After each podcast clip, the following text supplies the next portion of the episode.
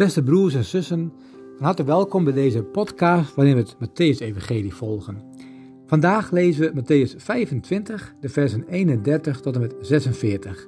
En ik lees uit de Nieuwe Bijbelvertaling. Wanneer de mensenzoon komt, omstraald door luister en in gezelschap van alle engelen, zal hij plaatsnemen op zijn glorierijke troon.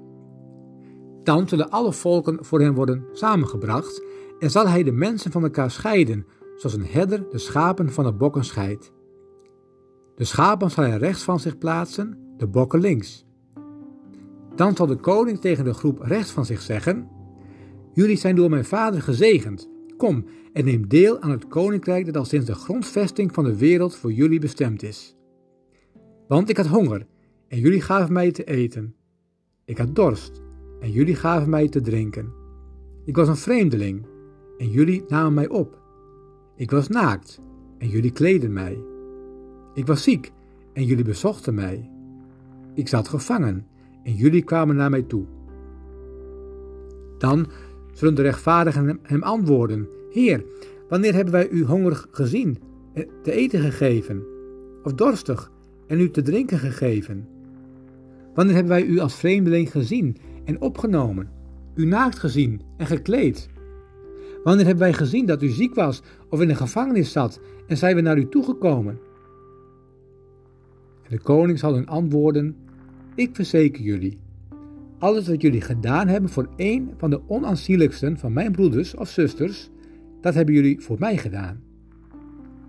Daarop zal hij ook de groep aan zijn linkerzijde toespreken. Jullie zijn vervloekt, verdwijnen uit mijn ogen naar het eeuwige vuur dat bestemd is voor de duivel en zijn engelen. Want ik had honger en jullie gaven mij niet te eten. Ik had dorst en jullie gaven me niet te drinken. Ik was een vreemdeling en jullie namen mij niet op. Ik was naakt en jullie kleden mij niet. Ik was ziek en zat in de gevangenis en jullie bezochten mij niet.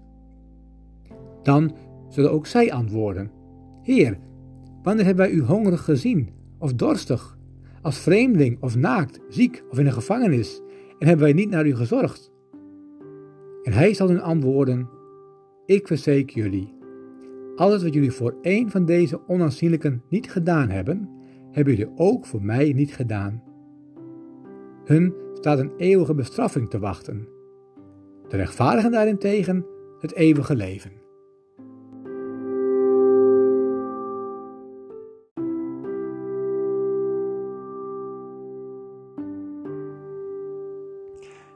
Je krijgt de indruk dat het vanaf hoofdstuk 24 naar een soort van climax gaat.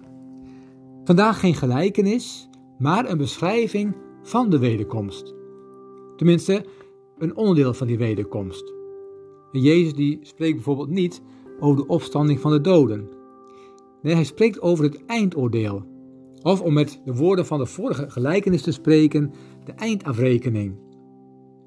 Nu kan dit gedeelte je wel wat hoofdbrekens geven. Want wij worden toch door geloof gered. Het is toch genade? Maar als je deze woorden van Jezus zo hoort, dan krijg je de indruk dat we worden gered door onze goede werken. Nu wordt dit gedeelte op verschillende manieren uitgelegd. Sommigen zeggen het gaat hier om de houding van de niet-gelovigen ten opzichte van de gemeente in de zware tijd die komt. En de gemeente als het lichaam van Jezus op aarde krijgt het zwaar. Daar heeft Jezus zijn leerlingen voor gewaarschuwd. Maar bemoedigt Jezus hen, er zal voor jullie worden gezorgd. Jullie, mijn broeders, mijn zusters. Een andere uitleg is dat het hier gaat om de houding van jou, van mij, als leerling van Jezus Christus. Hoe ben je nou leerling? Hiermee sluit het aan ook op het vorige gedeelte hè, van die mensen met die talenten. Mij lijkt het het meest logische. Je zou daar nog bij kunnen zeggen, hè, als die houding van barmhartigheid al van de niet-gelovigen wordt verwacht, dan hoeft het te meer ook juist voor de christenen, hè, de volgeling van Jezus. Dan zou je kunnen zeggen, Jezus die kwam in nederigheid. Als mens geboren als een baby in Bethlehem in de kribbe. En hij komt terug in heerlijkheid. Als koning hebben we gehoord. Daarin proef je ook wel de ernst. Dan, als Jezus komt als rechter, want een koning mocht ook rechten, dan is het definitief. Dan is die deur van de bruiloftszaal inderdaad gesloten, om met de andere gelijkenis te spreken. Jezus kwam en hij komt. Maar aan de hand van dit gedeelte zou je ook kunnen zeggen: Jezus komt nu ook al. In die kwetsbare, in die zwakke, in de minste, in de onaanzienlijkste, tenminste in de ogen van ons mensen. En dan komt het wel heel dichtbij. Of nog beter gezegd, dan komt Hij heel dichtbij mij. Ja, maar gaat het dan toch weer om goede werken? Ik heb de indruk dat die gezegenden van de Vader daar helemaal niet mee bezig zijn. Jezus noemt ze gezegenden door de Vader, ook wel rechtvaardigen. Een rechtvaardige in het Oude Testament is een sadiek. En een sadiek is iemand die de God recht in de ogen kan kijken. Die weet, de relatie tussen God en mij is hersteld, is goed. Een sadiek is iemand, is een mens die is zoals van hem mag worden verwacht. Hier beschrijft Jezus iemand, de mens, zoals van hem wordt verwacht, vol van barmhartigheid. En daarom worden deze uh, zeven dingen ook wel zeven werken van barmhartigheid genoemd. De rechtvaardigen zijn daar niet mee bezig met die redding. Die vraag naar uh, ben ik wel gered kan natuurlijk ook een hele egoïstische vraag worden, waar je hele leven lang mee rond kan lopen en de ander totaal over het hoofd ziet. Misschien zit het ook wel een beetje in dat 44ste vers, die reactie van die mensen aan de linkerkant. Hebben we dan niet voor u gezorgd?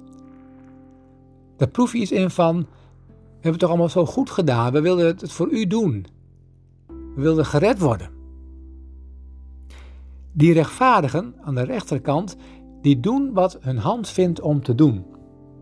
Je zou, je zou kunnen zeggen, die, die zeggen handen wassen, handen vouwen, maar ook handen uit de mouwen. mouwen. Zoals Jacobus het ook zegt in de apostel, een geloof zonder werken, dat kan niet. Een geloof zonder werken is dood. De bekende theoloog Dietrich Bonhoeffer zei, de gelovige gehoorzaamt en de gehoorzame gelooft. Zelfs Paulus, die ook wel de apostel van de genade wordt genoemd, die schrijft in zijn brief aan de Galaten hoofdstuk 6 vanaf vers 7. Vergis u niet, God laat niet met zich spotten. Wat een mens zaait, zal hij ook oogsten. Wie op de akker van zijn zondige natuur zaait, oogst de dood. Maar wie op de akker van de geest zaait, oogst het eeuwige leven. Laten we daarom het goede doen, zonder op te geven. Want als we niet verzwakken, zullen we oogsten wanneer de tijd daarvoor gekomen is. Laten we dus, in de tijd die ons nog rest, voor iedereen het goede doen. Voor iedereen. Vooral voor onze geloofsgenoten. Zo zie je ook weer in dit gedeelte de ernst, maar ook de barmhartigheid van Jezus. Hij zegt het hier allemaal aan ons heel open en eerlijk. Dat hij wel eens dichterbij kon zijn dan je denkt. In je broeder, in je zuster, in je naaste.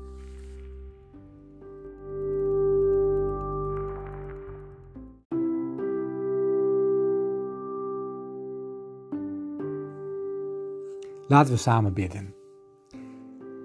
Heer Jezus, ook vandaag danken we u voor uw eerlijkheid.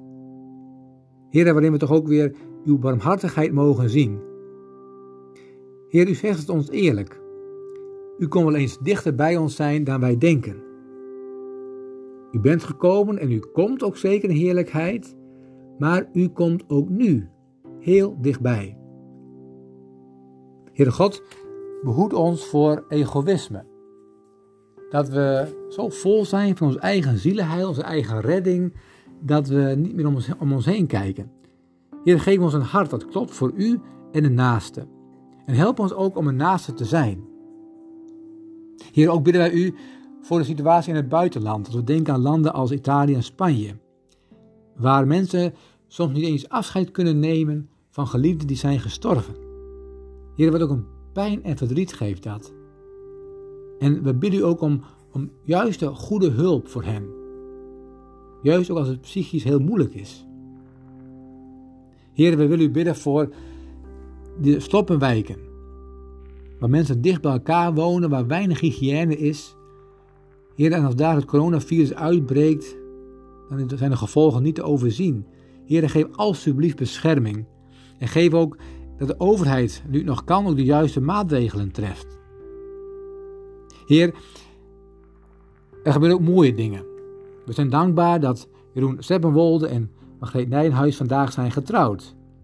Heren, het is allemaal anders gegaan dan ze hadden gedacht in voorbereidingen. Maar vandaag was een feestelijke dag en daar danken we u voor. Wilt u een zegen, Heere God, en ook verder heel dicht nabij zijn. En we bidden ook voor al die andere stellen, Heer, die, die zich nog voorbereiden op het huwelijk. Misschien wel in onzekerheid zijn. Hoe zal het allemaal gaan? Teleurgesteld zijn misschien wel. Heren, we dragen hen ook aan uw goede zorgen op. Help hen, Heer, dat het toch ook een goede voorbereiding mag worden en geef hen wijsheid. Dank u wel, Heer, dat u in alle nederigheid gekomen bent. Dat u komt als koning, als almachtige koning. En geef ons open ogen en open harten om te zien hoe u nu ook vandaag naar ons toekomt. Dat bidden we u. Uit genade. Amen.